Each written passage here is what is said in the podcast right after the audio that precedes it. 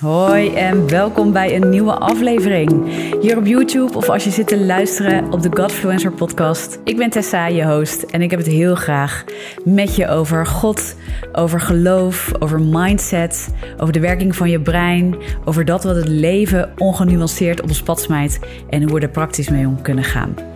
En op dit moment zit ik in de New Age series. En eigenlijk is dit voorlopig in ieder geval de laatste aflevering van de New Age series. En in deze aflevering wil ik met je induiken op mindfulness.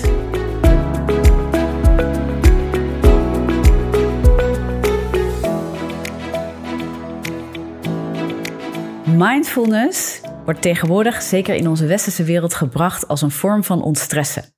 Als een vorm van aandachtiger leren leven, of aandachtiger met je gedachten leren leven eh, en je emoties. En is eigenlijk bedoeld om een beetje uit het vluchtige te stappen en bepaalde patronen in je leven, in je gedachtenwereld, in je emoties te ontdekken die belemmerend kunnen zijn.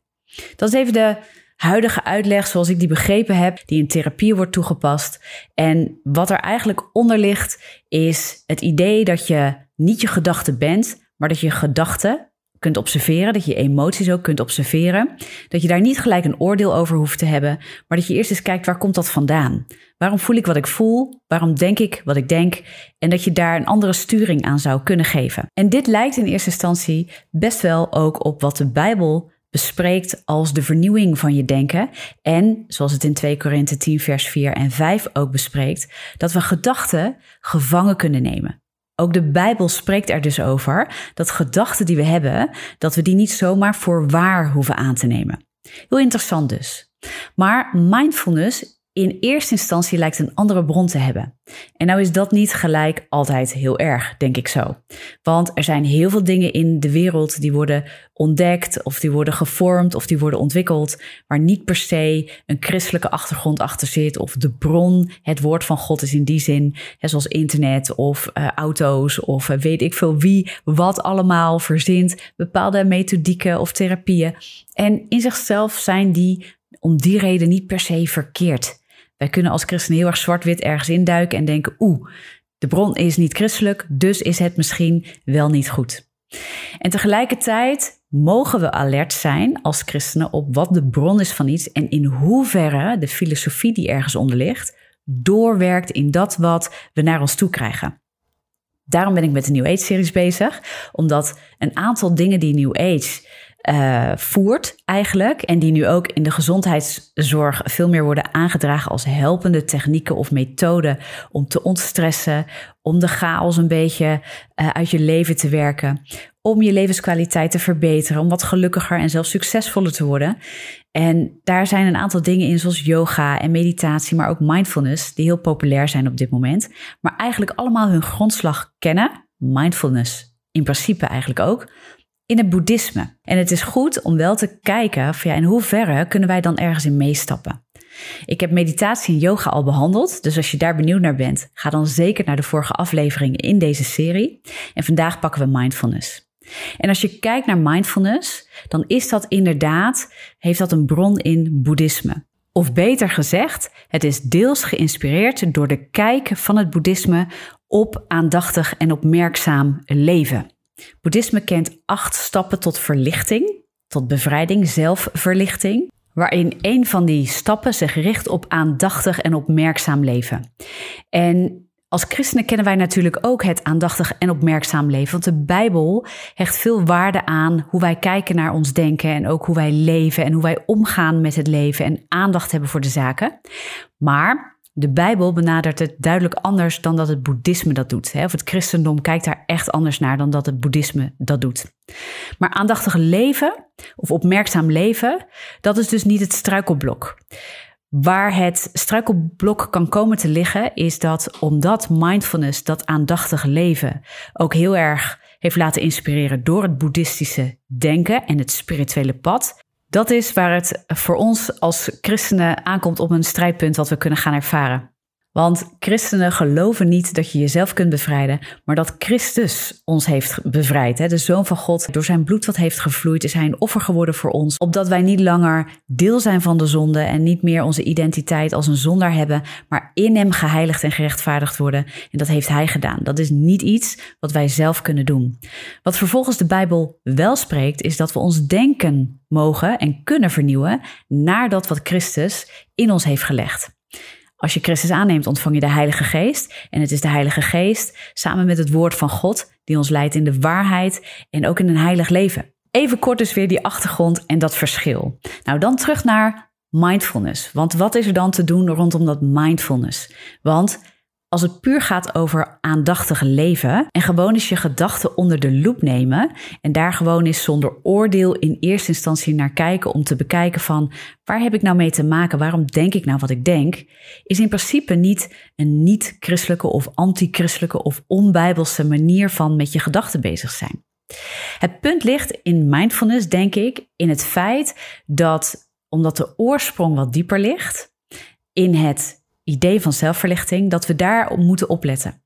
Mindfulness, als je er goed naar kijkt, heeft misschien dan wel een bron in het boeddhisme, omdat een van die acht stappen, hè, dat aandachtig leven en op die manier naar je gedachten kijken, heel erg komt vanuit het idee dat je loskoppelt dat er überhaupt oordelen zitten aan die gedachten. Dus wat het boeddhisme leert is dat je je ledigt ook onder andere, hè, maar dat je eigenlijk ervan uitgaat dat je helemaal geen oordeel hoeft te hebben over die gedachten en daarmee afstand neemt van je gedachten en ook van je identiteit in die gedachten. Nou, wat de Bijbel zegt is eigenlijk niet dat je alleen maar zonder oordeel kijkt, maar dat je vervolgens het gaat wegen in de waarheid van Christus. De vernieuwing van je denken, maar ook 2 Korinthe 10, vers 4 en 5 heeft het erover dat we onze gedachten moeten vormen naar Christus, naar de waarheid van Christus. Dus we gaan er op een gegeven moment wel degelijk een oordeel over vellen. Een onderscheid in maken. Wat ik geloof, wat ik denk, wat ik voel, is dat waar of is dat niet waar? Is het waarheid of is het leugen? Niet alles wat negatief voelt is per definitie een leugen. Dus de Bijbel onderscheidt niet op of iets fijn voelt of in onze gedachten of in onze emoties dat nou plaatsvindt.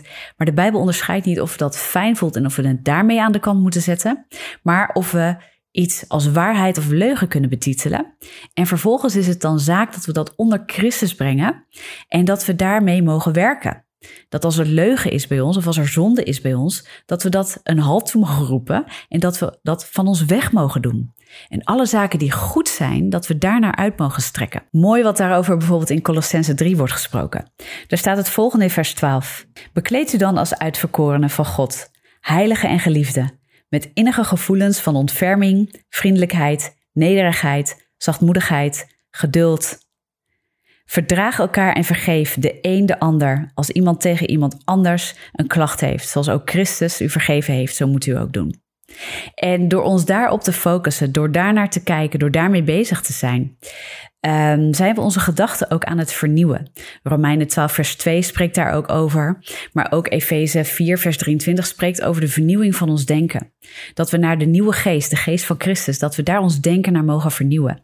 Oftewel dat we de waarheid die we altijd hebben geloofd inruilen voor de waarheid en de liefde van God zelf. Dat we ons daar ook mee bekendmaken en dat we onze gedachten en ons hart daar steeds meer mee laten vullen. Christus zegt ook: Ik ben de weg, de waarheid en het leven. En heel mooi hoe Spreuken 4, vers 23 daar ook over spreekt, waarin staat: Bewaar je hart, want daaruit zijn de uitingen van het leven. Dus ons hart afstemmen op wie Christus is, wie Hij zegt dat Hij is, relatie hebben met Hem, gevuld worden eigenlijk met Zijn aanwezigheid en onze gedachten laten vullen met Zijn waarheid en Zijn liefde, maakt dat we ons ook gaan uitstrekken naar waar onder andere dus Colossense over spreekt. Maar dan kom je toch weer op die discussie, dat mindfulness, als het nou de bron in boeddhisme heeft. Moeten we ons daar dan überhaupt mee bezighouden? Of kunnen we daar een christelijk sausje overheen gooien? Kunnen we dat zien als iets wat de wereld ook heeft gepakt en begrepen en dat ze ook met de vernieuwing van hun denken bezig zijn? En moeten wij dat dan ook een soort weer terug erkennen en ook toe-eigenen? Ik denk dat dat wel eens een moeilijke discussie is voor velen, omdat het idee van op die manier met je gedachten bezig zijn, wat heel erg verwesterd is binnengebracht, waar de spiritualiteit heel erg is uitgehaald in eerste instantie, waarbij men je leert vanuit mindfulness. Weet je, het is puur bewust worden van je gedachten. Daar anders mee om kunnen gaan doordat je wat afstand neemt en daarmee in staat wordt gesteld om eigenlijk je eigen gedachten een stukje sturing te kunnen geven. Als je er puur zo naar kijkt, is er denk ik niet heel veel mis met mindfulness in die zin. Maar christenen gaan toch een beetje kijken naar de bron, althans de meeste en ik ook. En moeten we het dan helemaal aan de kant zetten? Ik ervaar daarbij bij mindfulness een iets grijzer gebied dan bijvoorbeeld bij yoga. En kijk nog maar een keer naar de video van yoga, want daar leg ik ook uit waarom dat is. Maar yoga heeft veel meer verweving. Even om je mee te nemen in de nuance hoe ik daar naar kijk. Um, Yoga is bijvoorbeeld geen westerse methodiek die deels geïnspireerd is door bijvoorbeeld het Hindoeïsme of het Boeddhisme, maar is echt een, in dit geval, Hindoeïstisch spirituele beoefening en vindt zijn identiteit daar compleet en volledig in en kan daar dus niet van worden losgetrokken. Terwijl mindfulness eigenlijk een hele westerse term is en niet zozeer zijn hele identiteit vindt in het boeddhisme, maar eh, is ontwikkeld vanuit een zoektocht naar het kunnen ontstressen, uh, zowel fysiek als mentaal, meer aandachtig leven en ten dele ook dus daarbij is geïnspireerd geraakt door het boeddhisme. En dat maakt dus wel een nuanceverschil nog steeds tussen bijvoorbeeld zoiets als yoga en mindfulness. De andere kant is dat heel veel van dit soort dingen, omdat ook yoga en ook meditatie uit het boeddhisme zijn toegeëigend in de westerse wereld en zelfs in gezondheidszorg eh, voor gezondheidseffecten wordt toegepast en wordt geleerd aan mensen, maakt wel ook dat we gevoeliger worden voor de filosofieën die er toch ook wel onder liggen. Dus ik denk dat dit ook zo'n stuk is waarbij we kunnen zeggen, waar Paulus het ook heeft in Romeinen 14, ook 1 Korinthe uh, 8 is dat volgens mij maar die spreekt over het offervlees. En dat we uh, niet bang hoeven te zijn dat het vlees in zichzelf, dat vlees überhaupt in zichzelf, iets draagt van afgoden. Maar dat we ook moeten uitkijken dat als we ergens in meegaan, ergens in meestappen, dat het ons niet als buiten meesleept in filosofieën die eronder liggen. Colossense 2 vers 8 waarschuwt ons daar heel uitdrukkelijk voor. En ik denk ook dat dit is waar Paulus op doelt als hij dat onderscheid maakt tussen, joh, aan de ene kant hou je niet bezig met afgoderij, maar wees ook niet bang dat alles je trekt in afgoderij. Oftewel, ga je niet met je rituelen bezighouden, weet heel goed wie je God is en weet ook heel goed waar je dingen voor doet als je ergens instapt en wat het gevolg is als je daarin stapt en waar je jezelf onderstelt. Terwijl hij zegt ook, ja, als je vlees eet, wat misschien had gebruikt moeten worden als een, een vleesoffer voor andere goden, hoef je niet bang te zijn dat het vlees in zichzelf jou tot demonie of tot afgoderij trekt. En daar zitten nuances. En ik denk dat Paulus daarmee ook zegt, ook in 1 Korinthe 8, uh, dat hij zegt, ja, weet je, breng ook nuance aan, maar let goed op. Want Paulus is ook dezelfde die zegt: hou je niet bezig met afgoderij. Laat je daar niet in meeslepen. God is daar gewoon niet blij mee. Want hij wil niet dat je daar je mee bezighoudt. En ook niet dat je je laat meeslepen in soort filosofieën die je uiteindelijk gaan aftrekken van Christus. Nou, en hoe zou je dat dan aangaande mindfulness kunnen bekijken? Omdat het zijn wortels wel ergens lijkt te hebben in dat boeddhisme. Ook al is het heel erg westers weggezet. En mindfulness zelf is een hele westerse Engelse term. Nou, ik denk op de manier zoals Paulus daarover spreekt en dat we mindfulness misschien eens moeten gaan zien als een uitdaging om te kijken wat leert God mij over hoe ik tot rust kom. Wat leert God mij over hoe ik mijn gedachten en mijn emoties kan beoordelen of kan bekijken of misschien even niet moet beoordelen, maar in het licht van waarheid en leugen en ook de liefde van God, hoe ik daarmee kan werken. En wat zegt de Bijbel eigenlijk over emoties en gedachten in die zin? Wat leert de Bijbel mij? Wat leert God mij? Nou ja, er staan best wel wat mooie passages in, in waar we op ons mogen richten. Op de goedheid van God. En dat we ons leven mogen heiligen. En dat we daar ook echt een actieve rol in hebben. De vernieuwing van ons denken heeft daar zeker mee te maken. Maar ook als we bezig zijn in deze wereld met ontstressen, met tot rust komen, dan is het ook niet verkeerd om met dingen bezig te zijn, zoals weet ik veel, je, je, je kamer, je ruimte opruimen om daar rust in te creëren en gewoon eens te gaan zitten, tot rust te komen. Niet in je gejagen, je gejakker continu mee te gaan. Dus een techniek om gewoon eens even te gaan zitten even niks, je te onthaasten, even je ademhaling tot rust te krijgen door daar bewust van te zijn, is niet per se onbijbels of gevaarlijk of occult, omdat het ook in het boeddhisme wordt geleerd. En dit zijn die dingen waar we soms wat nuance mogen aanbrengen en ook niet te laks en te lauw moeten worden, denk ik. Want heel snel zitten we tegenwoordig in het boeddhistische denken, in een soort van zelfverlichting, in dat we mee worden gesleept in het idee dat we iets goddelijks te ontwikkelen hebben. En dat het eigenlijk losgekoppeld wordt van het offer van Christus en dat wat God door hem heen heeft gedaan voor ons. En daar ja, daar wordt het een beetje glad ijs natuurlijk. Ook als het gaat over mindfulness. Dus ik zeg ook niet van, oh, je kan daar zomaar uh, lekker instappen en daar hoef je niet over na te denken. Ik denk dat je dat wel moet doen, omdat dit er nog steeds wel onder ligt. Tegelijkertijd is het ook aan ons als christenen om ons leven te heiligen. En door de relatie en de kennis met God, of de, de relatie met God en de kennis van God, en met Hem tijd door te brengen, ook in zijn woord, ook in gebed. Juist dat verlangen om met Hem op te trekken, zou ons moeten leiden naar een leven van heiliging, waar we juist de zonde van ons afdoen, maar ons denken dus ook vernieuwen. En dat vraagt ook een bewustwording van je leven. Dat vraagt dat je bewust wordt van bepaalde patronen. En dat mag er ook toe leiden dat je patronen gaat afbreken in je leven. De bolwerken, nogmaals weer uh, 2 Korinthe 10, vers 4 en 5, de bolwerken waar daarover wordt gesproken, dat heeft daar ook mee te maken. De Bijbel leert ons ook echt bedachtzaam te zijn op de vruchten van de geest in ons leven. Dat we daarnaar uitstrekken. En dat we ook dus heel bewust zonde achter ons laten. Dat we daar niet achterloos mee omgaan. Dat we daar juist acht op slaan. En dat we daar dus bewust van zijn. En dat we daarvoor bidden. Dat we die verlangens, die verlangens van de geest in ons, uh, dat het ook in lijn komt met onze eigen verlangens. Dat we de begeertes van het vlees afleggen en dat dat steeds meer vervangen wordt door de verlangens vanuit de geest. En daarin ook echt te bidden en, en te, ja, op te trekken met God. Dus ik denk dat als we kijken naar mindfulness, is dat misschien soms een wat grijzer gebied dan bijvoorbeeld zoals ik heb gesproken over yoga. Of echt het verschil tussen Oosterse en Bijbelse meditatie. Die, die lijnen kunnen zwart-witter liggen. Terwijl het zoeken van rust wat in de westerse wereld tegenwoordig heel snel meditatie wordt genoemd. En waar mindfulness dus ook heel erg in, in mengt. Ja, het zoeken van rust en daar bepaalde dingen voor doen om gewoon even jezelf te helpen tot rust te komen. Ja, dat is niet per se verkeerd. En dus ook niet omdat dat ook in het boeddhisme wordt beoefend. Alleen moeten we denk ik bij dit soort dingen heel erg gaan kijken. Niet alleen wat is de bron, maar ook wat is het idee achter wat ik doe. Dus als ik bewust met mijn aandacht bezig ben en ik wil eerst even een stap terug doen en zeggen: ik ga hier even nu geen oordeel over vellen. Ik ga eerst eens bekijken wat denk ik nou en waarom? Waar komt dit nou vandaan? Denk ik wel dat we als christen de stap moeten maken vervolgens: is dit waarheid of leugen? Waar zit de wortel van deze gedachte? Waar zit de wortel van het patroon wat zich elke keer opwerpt in mijn leven? Is dit een belemmering? Moet ik daar afstand van gaan doen en hoe dan? En dat we God daarin uitnodigen en dat de geest ons daar kan helpen, dat het woord van God ons daarin kan helpen, omdat dat waarheid bouwt en leugens afbreekt.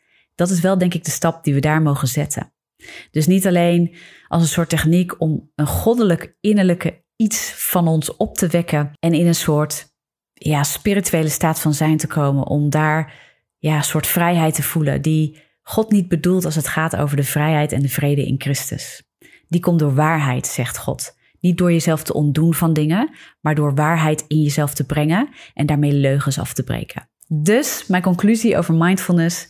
Ik denk dat we er niet heel krampachtig mee om hoeven te gaan en dat het eigenlijk een heel erg westers binnengebrachte term is. Het wordt tegenwoordig ook heel erg uh, gekoppeld aan cognitieve gedragstherapie en dat soort dingen. Nou, dan zou je daar ook eens naar moeten kijken van wat is de bron daarvan en nou, waar heb je dan mee te maken. Maar dat je er wel mee om mag gaan als zijnde iets dat je denkt, oké, ik wil leren met aandacht te trainen. Wat zegt het woord van God daarover?